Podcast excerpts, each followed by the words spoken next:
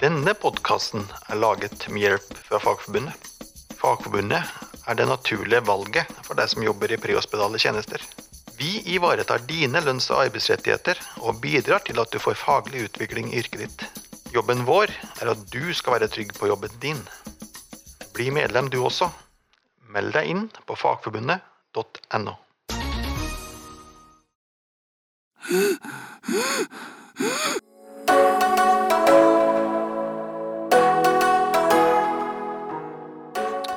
Ok, da har jeg fått med meg uh, Per Olav Bervien, uh, eh, en litoral CO2-nerd.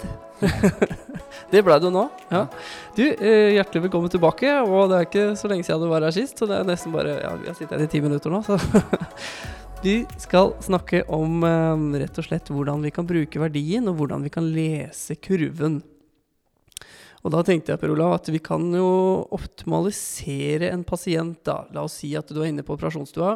Eh, en vanlig rutineoperasjon. Du har eh, endotrakeal intubert eh, pasienten. Det er varmt og godt, og pasienten er frisk egentlig, men skal bare opereres. Hvordan vil du lese kurve og måling og på, på disse friske pasientene?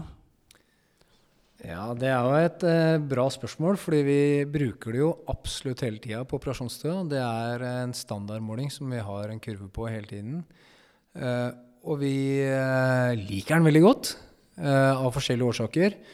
Men det er klart, skal man skjønne enteral CO2 og kapnografi, så er det greit å vite akkurat hva som skjer når vi måler det. Det hele historia her begynte jo med at man fant ut at det var CO2 i utpustet.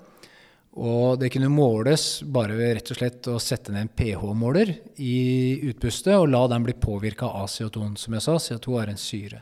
I forrige program sa vi det. Så det er den enkleste målen. Men det er jo ikke måling over tid. Så det er ikke kapnografi. Det er bare et, eh, et kapnometer, da.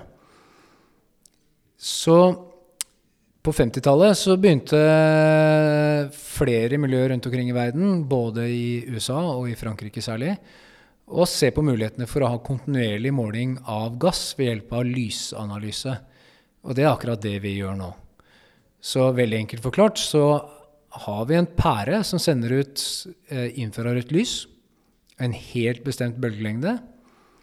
Og på motsatt side av et rør så sitter det en mottaker. Og det vi gjør når vi måler kapnografisk, er at vi rett og slett sender utpustgassen fra pasienten mellom lyspæra og mottakeren.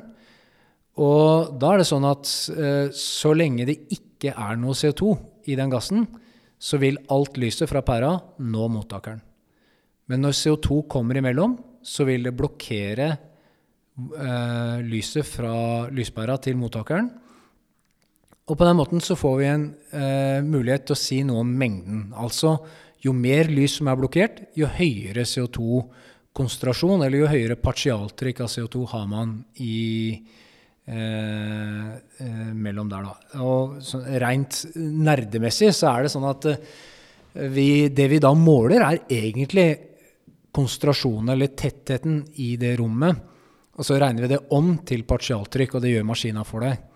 Eh, Så det er egentlig, hvis du jobber på Himalaya, så er det viktig at maskina veit at du er 8000 meter over havet, fordi den må gjøre det for å kunne si noe om partialtrykket. da.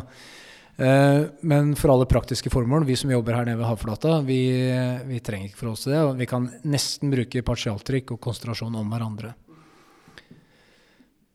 Så det de fant ut, da, det var at hvis du sendte, lot den pæra blinke 40 ganger i sekundet, så vil jo mottakeren også få 40 signaler i sekundet, som den kan gi deg som et tall. Hva er tettheten av CO2 mellom pæra og mottakeren akkurat nå?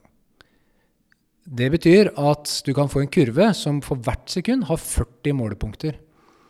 Og man kan da få en veldig tett linje som kan framstilles på en skjerm. Eh, helt i real time. Det er akkurat sånn som du ser det nå. Og for å få til det, så må jo den gassen gå i det røret mellom lyspæra og mottakeren. Og det skjer i våre systemer som de, vi bruker i klinisk i dag, på to måter. Det ene er at du kobler på en dings rett på tuben eller på eye-gelen. Eller for så vidt på maska på vei ut av pasienten. At den er kobla rett på der. Den typisk sånn er en sånn Emma-måler. Og de som har korpulssystemet, de vil også ha en sånn som måler direkte eh, i utpuststrømmen.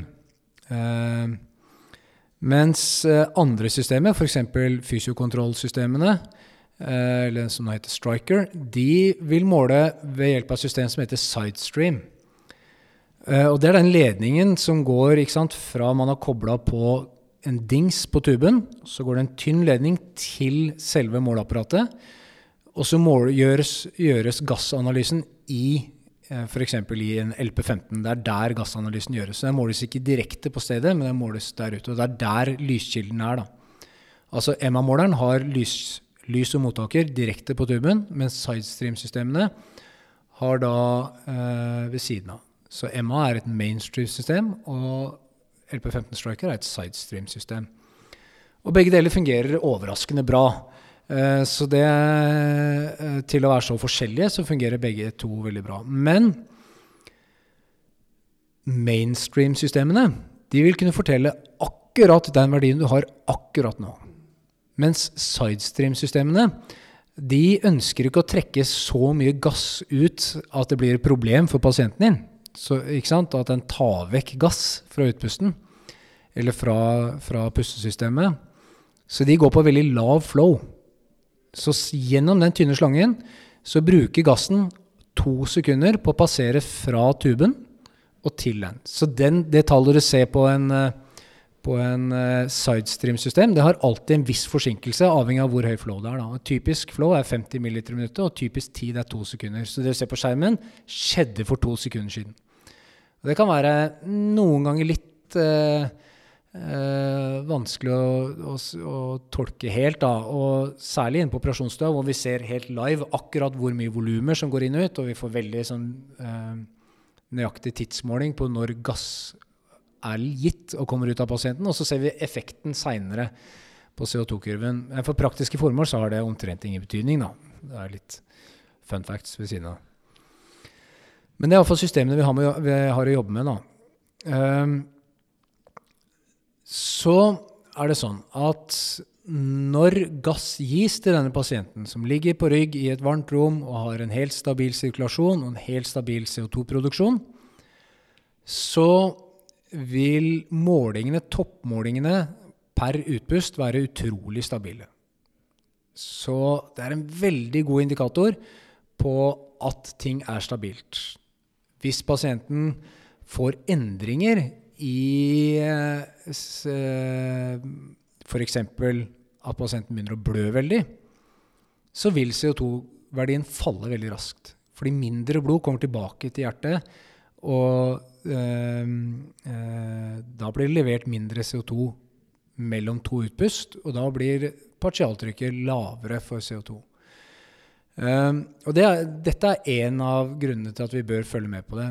Um, at vi liker å ha CO2-kapnografi gående nå. Uh, så er det sånn at når du gir gass inn til pasienten din, når du blåser luft i en pasient, eller pasienten selv trekker pusten, så vil den lufta som passerer, mellom, som passerer målepunktet, ha ca. null i CO2-verdi. Og for alle praktiske formål så er jo det CO2-mengden i lufta rundt oss så godt som null. Og da vil kurven gå til null. Men så fort luft ifra pasienten begynner å gå ut og passere målpunktet, så vil det være CO2-molekyler i den. Og hvis vi skal lage en modell på hvordan dette fungerer, så kan vi si det sånn at uh, hvis vi begynner nederst på et ark og tegner overgangen mellom blod og alveole, så er det det laveste delen av uh, sirkulasjon- og respirasjonssystemet. Den laveste delen av lungene. Da. Og her vil konsentrasjonen være omtrent lik i alveolen som den er i blodet, fordi CO2 passerer så greit over. Så hvis vi ser for oss høyere opp at vi lager, tegner rør oppover, som ender opp i luftrøret, trakea, så vil CO2-verdien der oppe være litt lavere enn helt nederst. Men CO2 er en gass som brer seg veldig raskt. Det er en, et fint lite molekyl som er veldig raskt til å bre seg, så det, det, er ikke mye fall. Men når du kommer helt opp til tuppen av systemet, hvor uh, uh, endotrakealtuben eller eye-gelen sitter, eller maska di sitter hvis du ventilerer på, og hvor målepunktet ditt er, så vil den delen av systemet være mer påvirkbar av lufta utafor, og der vil det være litt lavere verdier. Så det som skjer under et utpust, er at først så kommer det gass. Den gassen som passerer, er den som sto øverst oppe i luftveien.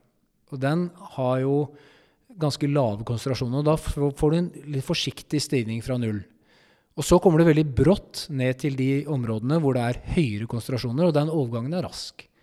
Derfor så får du en bratt stigning i den kurva med en gang etter at utpustet har begynt.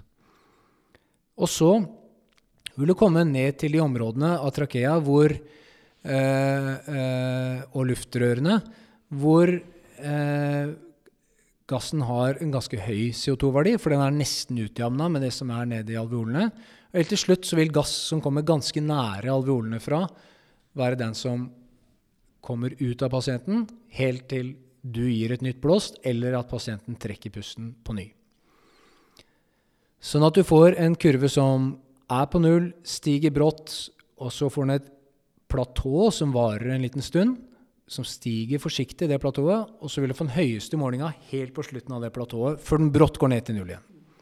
Og Der kan altså fange oss, fanges opp og lages en kurve, fordi det, eh, vi har en pære som måler, og den blinker 40 ganger i sekundet, så at det blir en veldig tett kurve.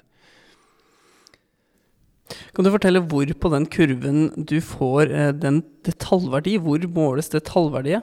Ja, og det er da sånn at for at uh, det her skal gjøres enkelt for maskina å lese, det er det ene. Og det andre er at ad konvensjon så har vi blitt enige om at vi velger det punktet.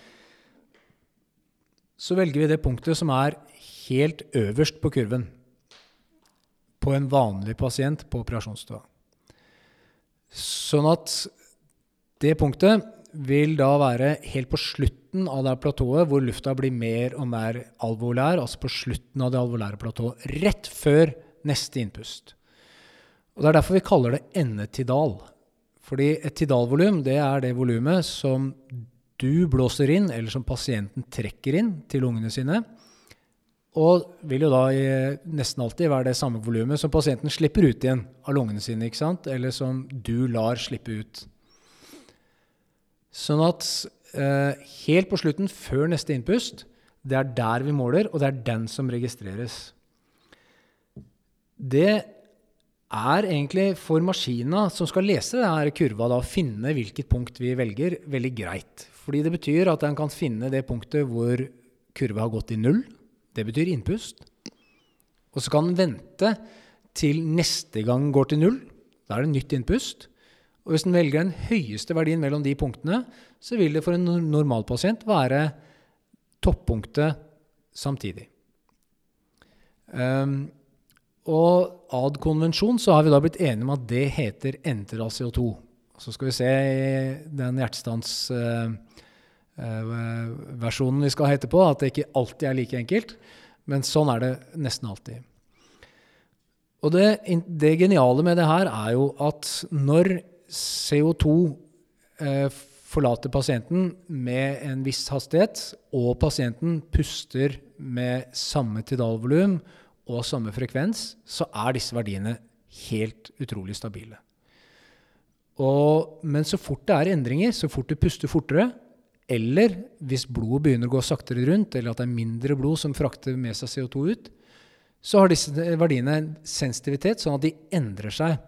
Og Det er det som gjør det fint å ha en kontinuerlig kapnografi, at man kan følge disse endringene underveis. Du har snakka nå om normale, den normale kurven.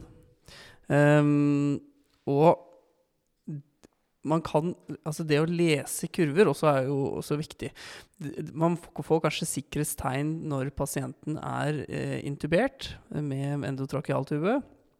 Men man kan også bruke et nesekateter for å lese en kurve eller på, på hjertestans, eller du, du maske-bag-ventilerer pasienten. Jeg syns vi kan gå gjennom kanskje noen eh, de, av vanligste kurvene, da, sånn som eh, obstruktiv eh, kurve. Hvordan, hvordan ser den ut? Ja, for det er som du sier, ikke sant, at den toppmålinga den vil veldig ofte være avhengig av ventilasjonsfrekvensen og minuttvolumet, hjerte-minuttvolumet til pasienten. Altså egentlig da eh, pustefrekvens gange volum, hvor, hvor mange liter i minuttet du puster, det vil påvirke. Eh, men så vil det også påvirke hvor, hvor mye sirkulasjonen, eller hvordan sirkulasjonen klarer å levere CO2 til pasienten. Men kurveformen, altså hvordan gassen får lov til å forlate lungene, det har også en påvirkning på hvordan dette her platået ser ut. Eller unnskyld, hvordan denne kurveformen ser ut. da. Og Det klassiske eksempelet der er jo den veldig obstruktive pasienten, en kols eller en skikkelig astmapasient, som har det problemet at det er vanskelig å få luft ut. Dvs. Si det tar lang tid hvert eneste utpust. Og da er det to ting som skjer. Det ene er at eh, når pasienten puster ut, så tar det litt lengre tid å komme opp på det platået som vi snakka om i stad. Å entre det alvolære platået, eller det kommer liksom fordi, rett og slett fordi at det er treigere. Men når det først kommer til det platået, så går det så sakte ut med gass at pasientens sirkulasjon rekker å fylle på mer nedenifra mens pasienten puster ut. Sånn at de har en tendens til å entre det alvolære platået halvhøyt, men så stiger det i løpet av det alvolære platå mer enn vanlig. Det betyr at kurveformen blir en slags haifinneform på disse pasientene. Og det kan noen ganger oppdages veldig greit, og det er veldig kjekt å vite, fordi hvis man skulle ha oversett at pasienten er obstruktiv, så er det eh, en eh, viktig indikator som en, kan si, som et diagnostisk verktøy, men det er ikke spesielt godt undersøkt hvordan det er. Men det som er veldig nyttig klinisk, det er å se hva skjer når jeg behandler den pasienten med bronkodilaterende midler, som jo er designa for å la lufta gå kjappere ut av pasienten. Og det som veldig ofte vil skje, er at når du har effekt av behandlinga di, så endrer kurveformen seg tilbake til en mer normal kurveform. Uh, og igjen, en av de verdiene man har ved å ha en kontinuerlig kapnografisk monitorering og følge med på skjermen. Fordi det er en god indikator på at nå går lufta kjappere ut av pasienten, og kurveformen ser greiere ut. eh, sånn at jeg kan anta at medisinen jeg gir, om det ikke klinisk for meg er åpenbart at pasienten er bedre, så kan jeg forvente at han blir bedre om ikke så lenge. Mm. I motsatt fall så eh, er det noen pasienter som puster veldig fort og har dårlig levering av CO2 til lungene. F.eks. pasienter som har eh, sepsis. Eh, eller pasienter som er utblødd. Eller pasienter som har lungeemboli. Og alle disse er jo kritisk syke pasienter, det er vi enige om, ikke sant? Eh, og felles for de er at kombinasjonen av et raskt pust og at det er vanskelig for blodet, eller at blodet går treigt gjennom systemet, eh, gjør at det leveres lite CO2 per pust, og pustene går fort, sånn at det platået rekker ikke stige noe særlig i løpet av utpustet heller. Sånn at en veldig lav verdi er en sterk indikator for at pasienten har et sirkulasjonsproblem, mens en høy verdi indikerer et respirasjonsproblem, og en haifinneform indikerer at det er kanskje et obstruktivt mønster i utpustet. Så man kan bruke denne informasjonen her til å finne mer informasjon om pasientene, og til å følge hvordan tiltakene våre virker, som jo er eh, et av de virkelig få eh, måleparameterne som er av den karakterene karakteren her. Jeg må jo si det at uh, jeg syns jo det med kapnografi er litt sånn småsexy. du kan uh, få ganske mye informasjon uh, ut av det. spesielt da kanskje med en optimalisert pasient som er intubert. Um, og det å lese kurven, det, er, det kan være, gi deg mye informasjon, og det er spennende. Er det noen andre ja, F.eks. laringsspasmer eller noe lignende. Er det noen andre kurver du på en måte ønsker å dra fram, som du syns er småsexy? Ja, vi skal komme inn på noen av dem når vi snakker om hjertestans etterpå, da. Ja. Hvor, det er, eh, hvor det er interessante endringer i den normale kurven som er eh, verdt å ha med seg. Eh, men så er det som du sier at det er en rekke på sånne typiske internettsider som tar for seg kapnografi, så er det nesten ikke grenser på hva man kan lese ut av disse kurvene. Men det er klart at en del av disse tilstandene Da vil det ikke være en intubert pasient, f.eks. Men hvis du har en laris, typisk laringsspasmekurve, som har disse avbrutte eh, eh, dippene i kurven, så er det klart at eh, du kan se det på kapnografien, da. Ikke sant? Men det er jo ikke sånn du stiller den diagnosen. Nei, det er ikke sånn, nei. Det er det som er greia. Du vil ikke begynne med det? Ja, Nei. nei, det er helt riktig. Og det er ikke mange randomiserte studier som tar for seg verdien av å se på akkurat dette her, og om det faktisk har en konsekvens å lete etter disse tingene i kapnografimønsteret. På den annen side så er det sånn at det vil jo kunne forsterke en, tanke du har, en idé du har, så det er ikke unyttig å kunne det. Eh, nødvendigvis. Men man skal vite at for eh, en rekke av disse kurvene og artefaktene som vi ser på kurven, så er vitenskapen ganske tynn. Mm. Selv om det gir et veldig godt fysiologisk rasjonale. Og for medisinen så er vel i mange av disse tilstandene, særlig hvor det er, øh, hvor det er litt dårlig tid, da, så er det jo det å se på pasienten, og ikke kurven, Ikke det. Som gjelder. Så det er, selv for en eh, CO2-nerd som meg, så vil jeg jo anbefale folk å se på pasienten først. Og kurven etterpå.